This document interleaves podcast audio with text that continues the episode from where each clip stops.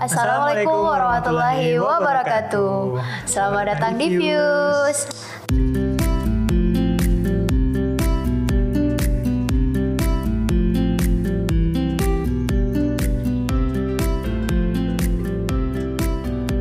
Nah, kali ini kita ketemu lagi bersama kami, aku Ayu. Dan aku Alvan. Nah, kali ini kita bakalan unik lagi nih. Kita mau bahas how to treat our emotion. Yes, Gimana sih benar cara kita eh, mengontrol atau mengkondisikan emosi kita sendiri. Iya. Hmm. Nah, bersama kita udah ada siapa, Bang? Udah ada Nuha. Ya, Kak eh, Nuha. Seorang hipnoterapis. hipnoterapis Iya. dan pastinya udah berpengalaman banget ya soal eh, gimana sih eh, kesehatan mental itu dan bagaimana mengatasinya dan lain-lain. Bener banget. Ya langsung saja kita sapa ya. Halo, Nuha. Kak Nuha. Ya, hai. Iya. Ayo, Eh, Gim. mungkin eh, biar enak ya teman-teman boleh perkenalan dulu nih Nuha. Ya, Oh ya, kenalkan eh, nama Nurul Adaha. Em, lahir eh, di kota Duri. oh, orang Duri ya, Kak. Iya, eh, sebenarnya aslinya Sumbar, cuman karena orang tua merantau ke Duri sejak tahun 89. Nah, jadi lamanya di Duri. Terus em, SMP-nya di Arisalah Padang, SMA-nya juga, terus lanjut kuliah di UIN Siska mengambil jurusan psikologi. Oke, psikologi ya. Berarti domisili sekarang di mana, Kak? Di Duri. Oh, di Duri ya. Nah, Oke, berarti eh, udah berapa lama nih, Kak? Berprofesi sebagai hipnoterapis. Hmm, se- sejak hampir setahun deh sam- hmm, tahun ini De- Desember nanti insya Allah tepat setahun. Oh, Baru udah udah lumayan lama juga ya. Setahunan lumayan ya Iya. A- awal mula nih, cuma mungkin cerita tentang awal mula kenapa Nuha tertarik nih dengan Iya benar. hipnoterapi. Kenapa kira-kira Kak? Karena banyak juga kan orang-orang yang eh, mungkin masih belum tahu nih atau belum ya. gitu. Nah ya, kalau hipnoterapi itu kan eh, proses di mana eh, seseorang eh, rileks dan di situ ada treatment untuk menyelesaikan masalah yang ingin diselesaikan, itu masalah-masalah mental yang ingin diselesaikan. Em, jadi eh, ya gimana ya prosesnya tuh se- eh, kita tuh ada pikiran sadar dan pikiran bawah sadar. Nah di antara pikiran sadar dan pikiran bawah sadar itu ada namanya critical factor.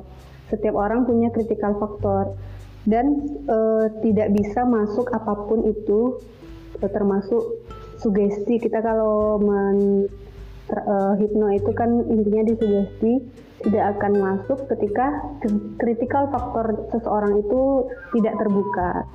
Oke. Critical factor. Sebenarnya, ya. iya critical factor. Sebenarnya sih semua orang itu punya eh, bakat untuk menghipnotis. Kar- Oh. Karena contoh kecilnya misalnya kalau misalnya kita eh, minta tolong ke orang lain dan orang lain itu mengerjakan apa yang kita lakukan, berarti kita sudah menghipnotis orang tersebut kita. Oh, Kita sudah Oh, mendapatkan oke. apa yang kita Hmm. inginkan begitu. Ya berarti semua kita bisa melakukan hipnoterapi ya kak? Iya sebenarnya bisa kayak kayak misalnya kan banyak juga tuh terjadi kayak penipuan penipuan itu sebenarnya kan secara logika orang itu belajar nggak sih? Kita kan pasti mikir orang itu belajar nggak sih? Mereka belajar eh, teknik dasar mungkin gitu. Karena eh, ada beberapa teknik supaya critical faktor seseorang itu terbuka. Oh gitu. Iya ya. Akhir-akhir ini emang banyak nggak akhir-akhir ini sih udah lama penipuan-penipuan. Mm-mm, yang berdasar mengambil kesadaran orang lain gitu. Iya benar Berarti hipnoterapi ini bisa disalahgunakan juga ya kak? Kalau hipnoterapi tidak disalahgunakan. Hipnoterapi kan fokus ke pengobatan mental, suatu Oh, hal yang mau kita oke. perbaiki. Nah, tapi kalau hipno hipno hipnotis Hipnotis. Oh, oke. sebenarnya uh, ini uh, ada yang perlu diperbaiki. Hipnotis itu sebenarnya uh, ini orangnya, pelakunya, hipnosis lah perilakunya. Jadi kalau sebenarnya orang bilang, iya aku tadi di hipnotis, sebenarnya bahasanya itu salah. Harusnya aku tadi di hipnosis sama orang gitu. Perlakuannya itu oh. hipnosis. Hipnotis itu pelakunya. Jadi oh, kalau hipnoterapi tidak bukan disalahgunakan, tapi memang untuk menterapi orang. Kalau hipnosis baru banyak uh, orang-orang yang menggunakannya dengan hal-hal yang misalnya kayak uh, entertainment kan kayak ya kita nggak yeah. sebut nama ya. Nah yeah. itu kan dia membongkar membongkar ini ya uh, aib. Masa iya uh, seluruh Indonesia menonton aibnya misalnya cerita aib dia segala sesuatu yang sebenarnya aib ya diceritakan gitu. Itu tuh sebenarnya itu bukan hipnosis karena ketika hipnosis itu seseorang sudah bicara proses hipnotis proses hipnotisnya gagal gitu. Oh gitu. Berarti hipnotis itu orang tuh nggak nggak bisa ngomong ya kak? Atau orang tuh ngikutin aja yang sugesti yang dikasih tahu? Nah, seseorang yang dihipnotis itu adalah kondisi yang benar-benar rileks. Sebenarnya dia oh, okay. uh, bisa menentukan apa, apa yang dia inginkan. Misalnya kalau disuruh hal-hal yang ber, berlawanan dengan apa yang misalnya norma atau misalnya dia tidak sesuai dengan apa yang uh, adat misalnya kan, dia dia bisa tidak melakukannya karena kita tuh sama seperti orang yang ngantuk berat tapi nggak bisa buka mata gitu. Oh. Hmm. Misal kayak kita misalnya dengar azan subuh, kita tahu itu azan subuh tapi kayak ih mager gitu misalnya kayak gitu. Nah kondisi hipnot hipnosis itu adalah kondisi yang sangat rileks.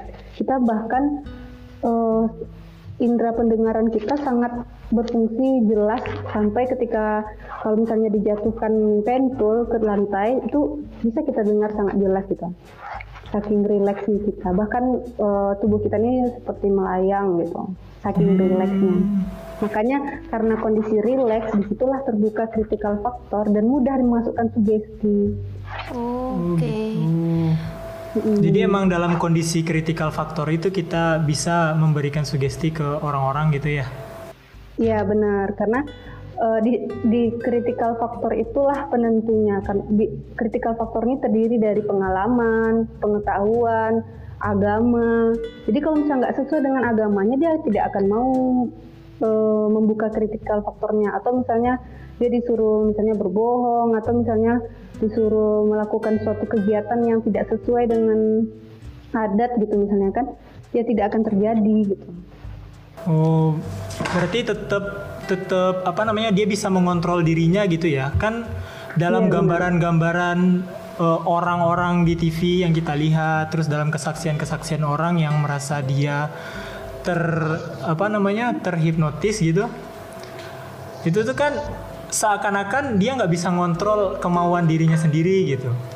Berarti ya, bukan itu, bu, ya menepis bukan semua itu, itu ya oh, okay. itu tuh mereka yang logikanya aja kita pasti mau nutup aib kita kan. Ini masa ya dia mau seluruh orang di, di Indonesia ini menonton kesalahannya keburukannya gitu itu tuh kalau dari pelatihnya Nuha itu tuh udah disampaikan kalau itu bayaran gitu. Jadi nggak ada yang hmm. ini. Masa, kita pastilah maunya aib kita tertutup ini diumbar itu kan nggak mungkin gitu. Iya settingan lah ya. Iya settingan. Jadi uh, gimana sih kak cara kerjanya hipnoterapi ya, itu hipnoterapi gitu? hipnoterapi gitu. Iya. Oke. okay uh, ada langkah-langkah beberapa langkah uh, yang membuat proses hipno hipnosis ini berjalan. Yang pertama uh, itu bisa dilakukan oleh orang yang uh, memiliki karisma, karismatik. Misalnya uh, entah pokoknya kalau ada orang punya karisma apa pun yang dia lakukan apa pun yang dia katakan kita tuh tanpa berpikir panjang kita percaya dengan apa yang dia katakan hmm. Contohnya misalnya Ustadz, kita nggak tahu kan uh, yang disampaikan Ustadz tuh hadisnya benar atau enggak, yeah, sahih atau iya, doif gitu. Jadi kita oh iya iya iya aja gitu. Pokoknya apa pun yang dikata Ustadz tuh benar semuanya. Sama kayak guru, dosen, orang-orang yang punya orang yang expert lah di bidangnya apa pun yang dia katakan pasti ih bener-bener tanpa kita proses ini bener apa enggak gitu itu yang pertama yang kedua itu uh, bisa proses repetition namanya repetition itu pengulangan sama kayak iklan nah Iya, kadang iya, kita iya. misalnya Iklan uh, dari rumah dari rumah kita maunya belinya air mineral tapi entah kenapa selalu bilangnya aqua padahal yang merek yang kita beli bukan aqua gitu Iya, iya. Iya. banget. Brainwash ya. jadi Brainwash. Iya benar. Repetition tuh ya seperti iklan atau pengulangan-pengulang. Jadi pikiran bawah sadar kita terbiasa dengan suatu hal yang telah diulang. Terus yang ketiga ada eh, menjepit pada dua pilihan. Misalnya gini, eh, kita pergi kalau anak kosan kan ke misalnya lagi pengen makan di luar pas akhir bulan Ya. Aku Pak, banget. yang yang yang jualan dia nama eh, kita kalau kosan pasti mikirnya murah ya makan minum itu murah penting kenyang gitu ya Yang murah enak.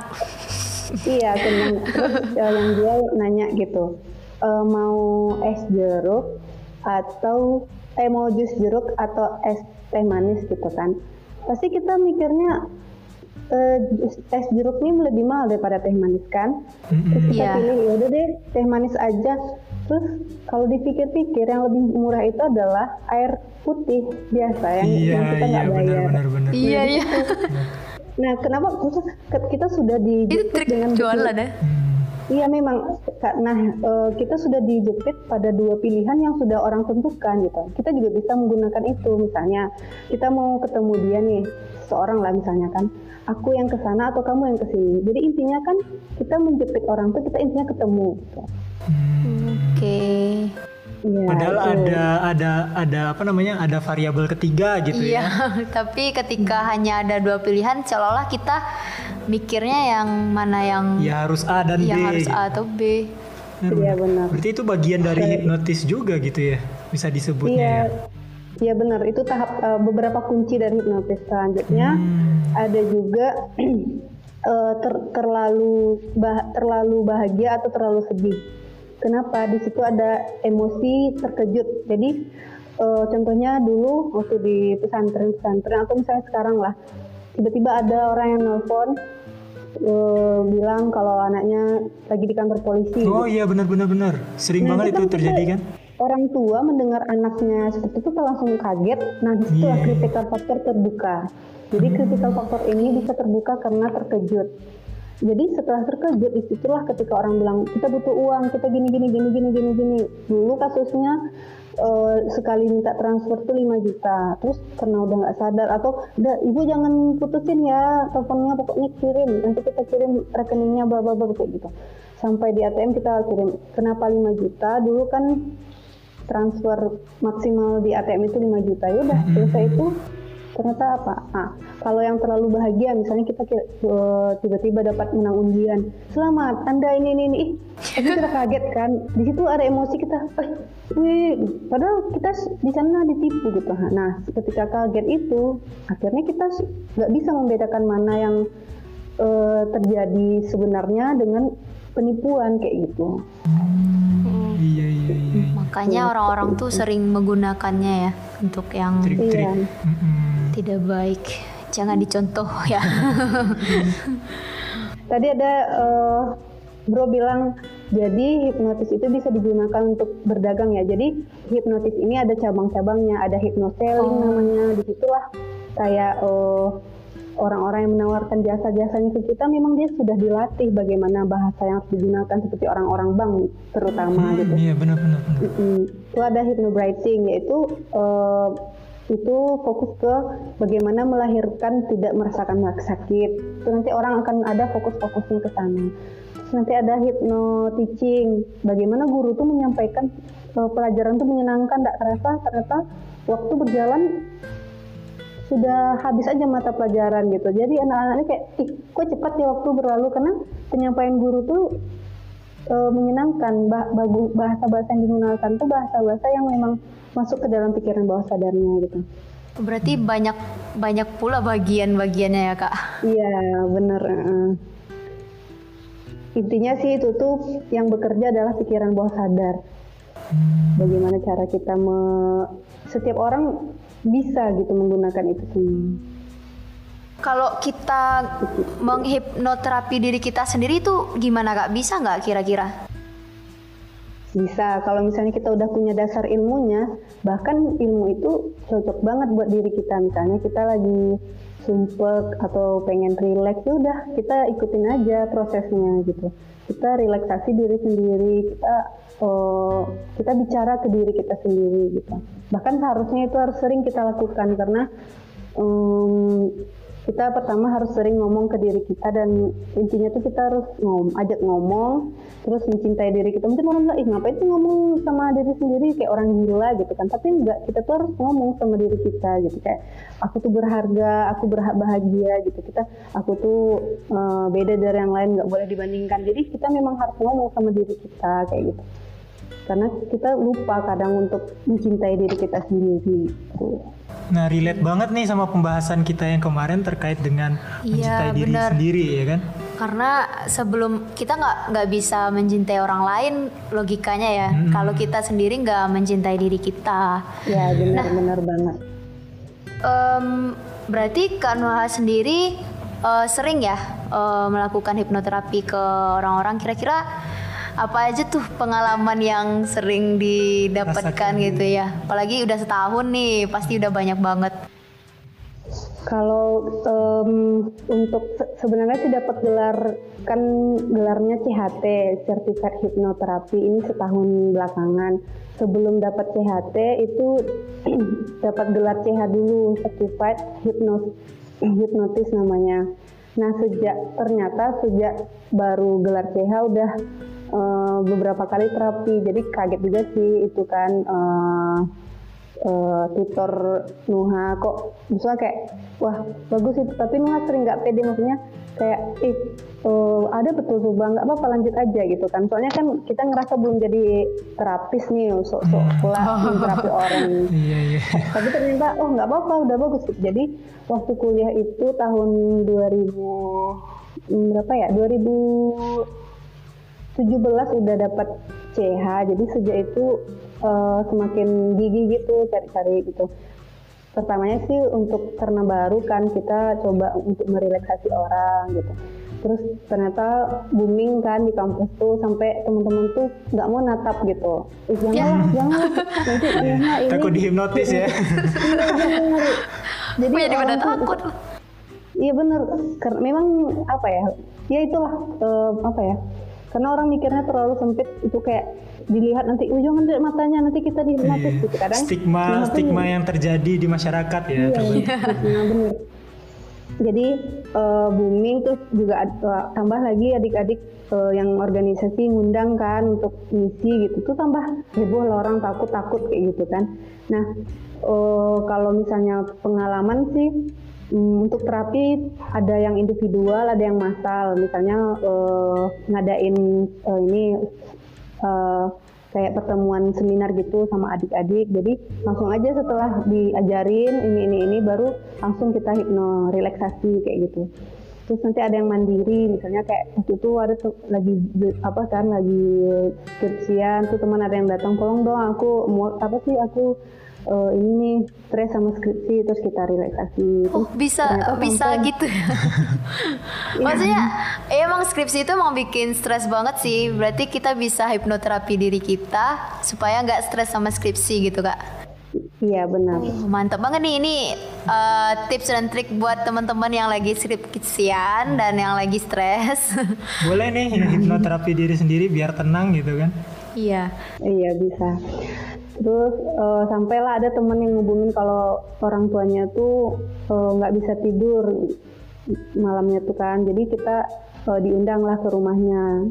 Terus coba akhirnya eh, ya kalau Nuha sih pribadi nggak kalau ditanya berapa nih bayarnya gitu kan kita nggak eh nggak usah nggak usah gitu soalnya ngerasa belum pantas lah untuk gitu cuman eh, orang ini ada, kalau kita sama mahasiswa kita maklum aja kan. Nggak nggak mau lah naruh harga. Tapi waktu diundang ke rumah tuh ya pulang-pulang dikasih gitu kan. Kita kayak nggak usah lah bu. Eh nggak apa-apa nggak apa-apa. Kayak gitu terus Iya. ditanya perkembangan.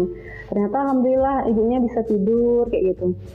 Hmm, ulas gitu kan. Biasanya nggak bisa tidur malam tuh uh, tengah malam ke kebangun tiba-tiba kebangun. Biasanya kalau Nuha yang tera- terapi itu ngasih anchor. Anchor tuh apa ya tipenya ya?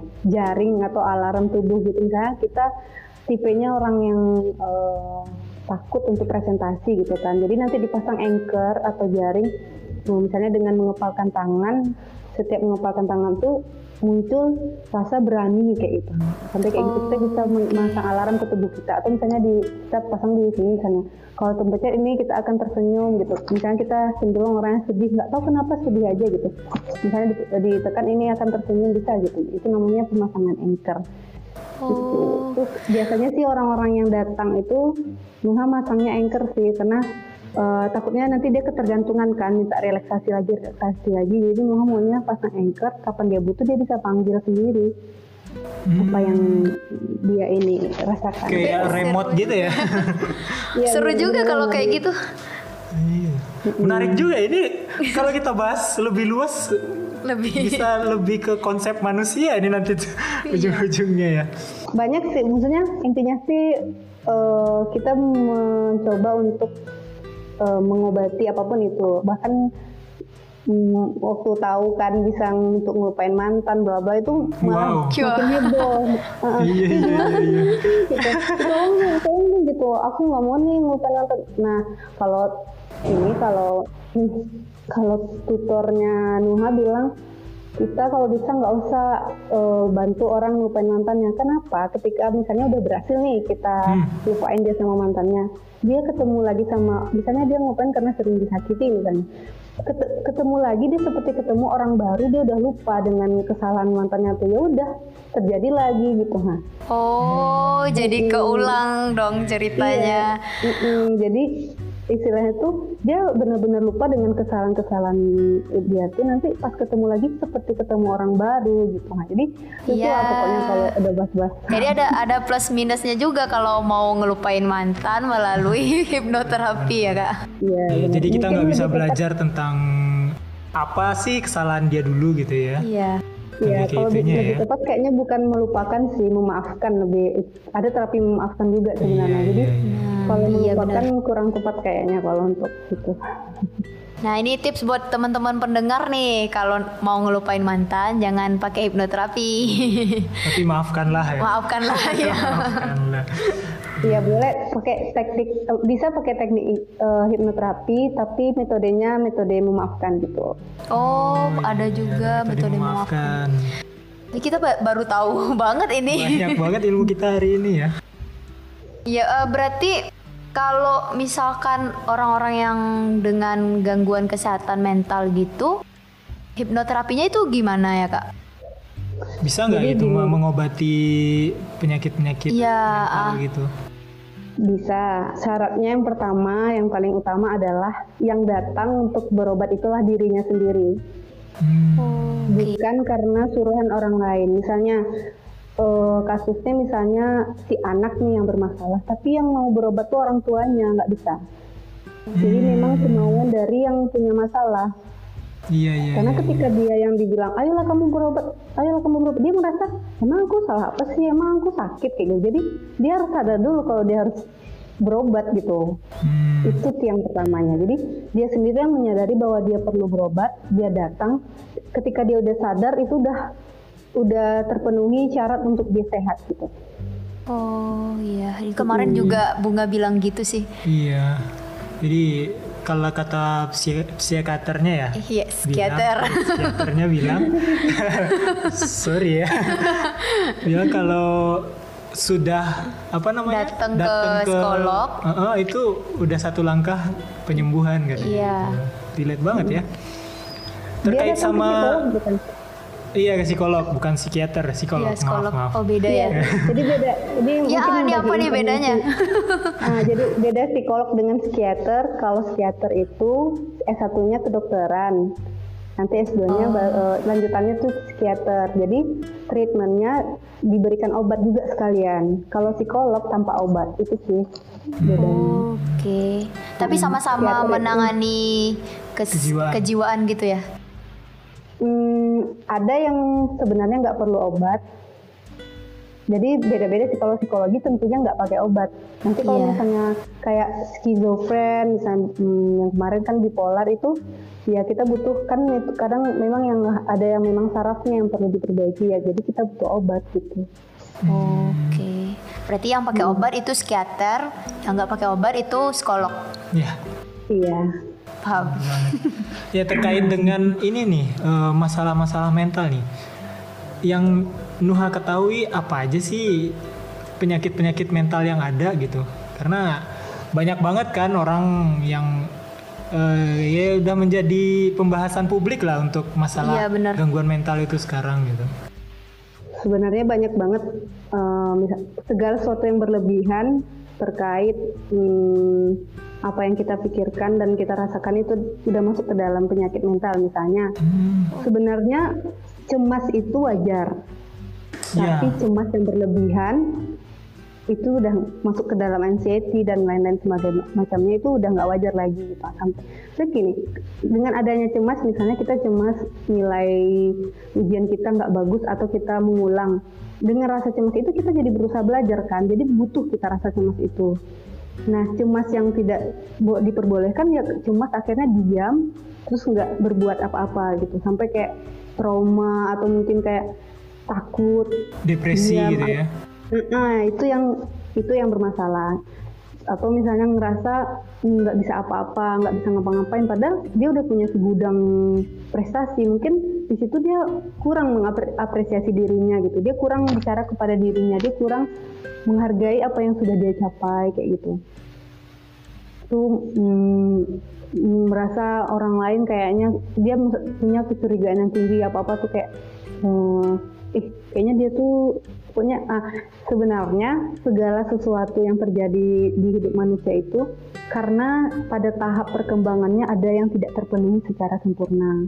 Misalnya eh, di usia 0 sampai 2 tahun itu kan penanaman trust atau kepercayaan seorang anak. Jadi kan di situ di mana dia eh, apa sih berharap penuhnya ya kepada orang yang ada di sekitar dia gitu. Dia nggak bisa ngapa-ngapain. Ketika sekitarnya tidak memenuhi misalnya secara tepat dan te- dan cepat apa yang di- diinginkan, ya misalnya kayak dia menangis, dia maunya makan, tapi malah dikasih air minum kayak gitu. Pokoknya yang kurang tepat misalnya atau misalnya lambat pemberian itu itu akan berpengaruh pada trustnya atau percaya kepada orang. Jadi kalau misalnya tepat orang tua memberikannya dia dari dia memiliki trust tapi kalau tidak tepat jadi mistrust dia tuh nggak percaya sama orang gitu terus kecurigaannya tinggi jadi ada tahap-tahap perkembangan yang usia 0 sampai 2 tahun tuh ini 3 sampai 4 tahun tuh ini. Jadi eh, kalau misalnya ada orang merasa aku tuh kok kayaknya nggak percaya diri ya. Oh kita pelajari lagi mundur. Ternyata kita tanya kamu dulu gimana waktu kecilnya gini-gini? Jadi kita kayak recall kembali perjalanan hidupnya oh ternyata di sana yang perlu diperbaiki. Nanti baru ke tahap kita pilihnya terapi yang tepat itu seperti apa gitu. Jadi kalau bahas penyakit mental banyak banyak gitu. banget ya. Iya, iya. Setiap yang berlebihan yang kita Alami. alami berarti itu termasuk ke penyakit mental ya kak. Ya intinya sih ya itu salah satunya. Ya kita misalnya kayak eh, COVID ini kan kita mungkin di awal-awal sulit beradaptasi. Tapi kalau misalnya kita nggak cepat beradaptasi ya kita bakal stres gitu. Hmm, akhirnya eh, nggak bisa keluar misalnya atau belajar di rumah aja atau misalnya ngapa-ngapain harus di rumah. Kalau kita nggak cepat beradaptasi ya akhirnya kita stres dan ngerasa kayak mua atau apa deh muncullah nanti emosi-emosi negatif yang harusnya tidak kita diamkan gitu harusnya ya udah kita berdamai apa yang bisa dilakukan seperti itu Oke, nah eh, dengar-dengar hipnoterapi ini juga apa ya kak? Ada pro dan kontranya ya. Itu gimana sih sebenarnya hipnoterapi ini? Iya kalau di beberapa ustadz hmm, itu mengatakan bahwa hipnoterapi ini ada kayak unsur hmm, kerja jin gitulah kerja Oh. makhluk gaib gitu. Padahal pertama dulu sebenarnya sebelum sebelum dari sebelum benar-benar masuk ke dalam dunia hipno ini itu takut banget untuk ikut pelatihan ini gitu. Karena yang ngajak kebetulan kan senior beliau memang terkenal dengan pokoknya banyak banget ilmunya. Dia bisa menganalisa pribadi dari tulisan tangan atau kita sebut grafologi terus uh, menghipno orang terus banyak dan uh, pokoknya banyak uh, intinya beliau tuh sangat uh, terkenal di fakultas dan ketika orang ngajak tuh memang benar-benar yakin gitu nah. tapi waktu Nuha diajak tuh nggak mau enggak lah sebelumnya udah berhasil beliau ngajak ikut pelatihan grafologi. Terus waktu ngajak hipno nggak berani karena dari kecil itu dibilang uh, sama orang tua kan kalau misalnya ketemu sama orang asing jangan tatap matanya. Itu nanti dihipnotis kita gitu kan. Jadi terlalu hipnotis ini bahaya nih bahaya gitu. Iya, nah iya, dalam iya. bahaya bahaya nggak mau ikut. Jadi ya udah akhirnya nggak ikut. Akhirnya benar-benar beliau lobby kan. Nggak nggak separah yang mau pikirkan gitu lah kata emang gimana sih bang? Gitu. Akhirnya beliau bilang oke abang ajarkan gratis ilmunya kata beliau kan. Ajak satu teman nanti abang ajarin gitu. Saking memang Parno kan waktu di, udah diajarin sama oke secara ilmu. Ya oke oke. Pas praktek itu takut. Jadi dipraktekin gimana rasa rileks. Teman di sebelah ini sampai air up tuh air matanya tuh ngalir gitu saking rileksnya gitu Hmm. kalau Nuha kayak dia sampai awalnya kami duduk di kursi yang eh, dengan model yang sama kursinya dia di sebelah. Sampai udah mau tumbang gitu tubuhnya saking rileksnya gitu. Nuha kayak bingung kok dia bisa separah itu sih rileksnya gitu? Terus akhirnya bangun protes. Kok dia bisa eh serileks itu sih bang? Nggak terima gitu ha kok dia kayaknya seru banget gitu. Iya iya iya. Apa sih yang terasa gitu kan? Ih seru banget seru banget Nuha relax rasanya tubuhnya melayang gitu. Ih nggak terima dicoba lagi. Ternyata gitu lagi dia Nuha nggak akhirnya protes kok bisa ya gitu kan? Akhirnya eh, pas pula zuhur akhirnya kami makan terus eh, istirahat kan. Habis zuhurnya abang tuh bilang gini deh eh, Nuha indah kan indah nih teman tadi namanya indah aja deh yang ini yang eh, terapi Nuha abang ngajarin dia katanya. Dia kan udah bisa tuh relax nanti dia bisa tuh hipno Nuha. Kita udah percaya iyalah bang. Akhirnya kita tunggulah lama kali si Indah masuk. Mereka diskusi dulu kan lama-lama. Lama akhirnya ada juga abang juga yang apa ternyata nah ternyata dan ternyata lebih parah dari Indah. Nuha mengalami proses eh, hipnonya gitu. Bahkan itu tuh udah masuk ke dalam terapi gitu.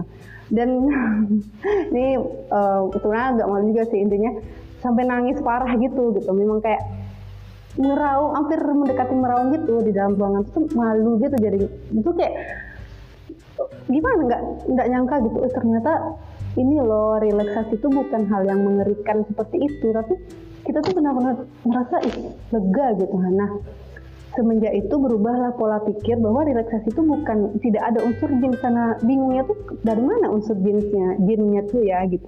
Jadi mungkin karena pengaruh tayangan kali ya. Jadi kayak menghipnotis Iya. tekan ini langsung ada apa gitu. Padahal kan ketika di ditekan ini ya. itu ada terkejut. Ya jadi wajar gitu. Kita terhipnotis. Ya kembali lagi dengan langkah-langkah tadi. Ketika kita terkejut maka critical factor kita tuh terbuka gitu. Jadi eh, ya beberapa ustadz mengatakan kalau itu ada unsur jinnya cuman Ana maksudnya kalau hal sih pribadi mau ngobrol gitu kan eh, ada sih ada juga ustadz yang di pesantren Nuha sebelumnya kan bilang gitu hmm, bertanya-tanya lah gitu terus menjelaskan eh, eh, emang yang saya ragukan dari mananya gitu artinya mungkin karena apa ya? Kita tuh kadang menilai sesuatu karena kita belum masuk sendiri kan pada Iya, iya, sesuatu iya. yang kita nilai gitu. Nah, jadi kalau masih ya udah sih kalau orang punya pendapat ya nggak apa-apa terserah eh, bagi yang berpendapat. Bahkan bukan hanya ustadz dosen. Dosen itu kan dia punya kiblat. Maksudnya gimana ya? Punya referensi masing-masing. Kayak dosen psikolog kan dosen kami kan psikolog gitu kan. Dia psikolog tuh punya pegangan masing-masing. Misalnya em, metode untuk terapi itu beda-beda. Jadi dia dosen tuh misalnya percaya sama hipno ada yang nggak percaya ada yang mendukung kayak gitu. Ada yang em, mempertanyakan emang eh, istilah tuh emang eh, kamu bisa gitu lah? Kita kan kalau digituin istilahnya dosen gitu ya eh, enggak Bu, Merasa biasa gimana aja. gitu ya. Iya gitu. Soalnya gimana pun psikolog itu eh, dia udah jauh kan belajarnya sampai S2 gitu. Terus tentulah untuk terapi apa segala macam itu kan istilahnya itu udah ruang lingkupnya psikolog gitu kalau kita yang sarjana nih kayak ngerasa eh eh eh, ya maksudnya kayak gimana gitu jadi nggak enak gitu sih bawaannya gitu Iya kamu baru anak Iya. kemarin sore. Iya, berani-beraninya. Berarti dosen juga ada yang nggak mendukung hipno ya kak? iya Mm-mm. karena masih jadi tanda tanya gitu sih sebenarnya Wah, udah cukup lama juga ya kita. Menarik juga ini pembahasan kita yang hari ini. Tapi kita eh, dapat ilmu baru ya bang. Banyak banyak. Banyak kita banget yang dari ini. sebelumnya kita nggak tahu hipnoterapi itu apa, bedanya sama hipnotis apa, dan psikolog juga, psikolog Iya. dan psikiater. Itu masih banyak pertanyaan sih di masyarakat apa sih bedanya psikolog dan psikiater Iya. itu masih banyak orang yang belum tahu gitu kan. Iya. Kayak contohnya kayak aku tadi yang ngomongin yang harusnya psikolog ternyata psikiater gitu kan. Nah, em, mungkin kayak mungkin untuk eh, terakhir nih sebagai penutup kita, eh, kira-kira apa closing statement dari Kak Nuha untuk para pendengarnya Fuse em, terkait eh, gimana ngontrol emosinya, gimana menghipnoterapi dan lain-lain. Oke, sebenarnya emo, segala emosi yang kita rasakan itu wajar. Mau negatif mau positif kita jujur dulu dengan emosi yang kita rasakan. Misalnya kita sedih ya udah, aku sedih. Jangan pernah aku nggak sedih, aku biasa aja. Jadi kita harus jujur dengan perasaan yang kita rasakan. Pertama itu. Yang kedua, ya udah kita maafkan gitu. ah. Kita ber- berusaha untuk belajar dari mengapa kita bersedih gitu. Kita kayak mencoba untuk memaafkan gitu. Karena ketika kita pertama tidak jujur dengan perasaan dan kita sulit untuk memaafkan itu, maka kita akan membawa itu terus sampai kapan pun gitu. Jadi lepaskan dan maafkan. Apa pun emosi yang kita rasakan, yang negatif silakan dilepaskan dan dimaafkan. Belajar dari pengalaman yang sedang terjadi. Oke. Luar Bener biasa banget ya. sekali. Iya, ya ini relate sama yang cerita kasus kita kemarin. kemarin itu. Yang pertama kita emang harus jujur dulu ya kak dengan emosi kita baik positif maupun negatif. Terus yang kedua maafin, maafin dan lepasin itu gitu. Oke, Iya benar. kita udah sampai di penghujung. Iya. Em, mungkin lain kali kita bisa lebih lanjut lagi, lagi Mendalamin tentang- lagi tentang hipnoterapi karena cukup menarik ya untuk Sangat-sangat menarik sekali. untuk kita diskusiin karena kita juga latar belakangnya beda-beda nih. Iya, iya. Ya ini ilmu baru lah untuk kita kan menge- mengenal tentang apa itu hipnoterapi gitu. kan. Iya, makasih banget Kak Nuha udah mau berbagi bersama kami. Semoga Iya. Iya, semoga kita bisa diskusi lagi di lain waktu dan eh, udah ya, berarti kita tutup. Ya, eh, terima kasih untuk Nuha atas waktunya.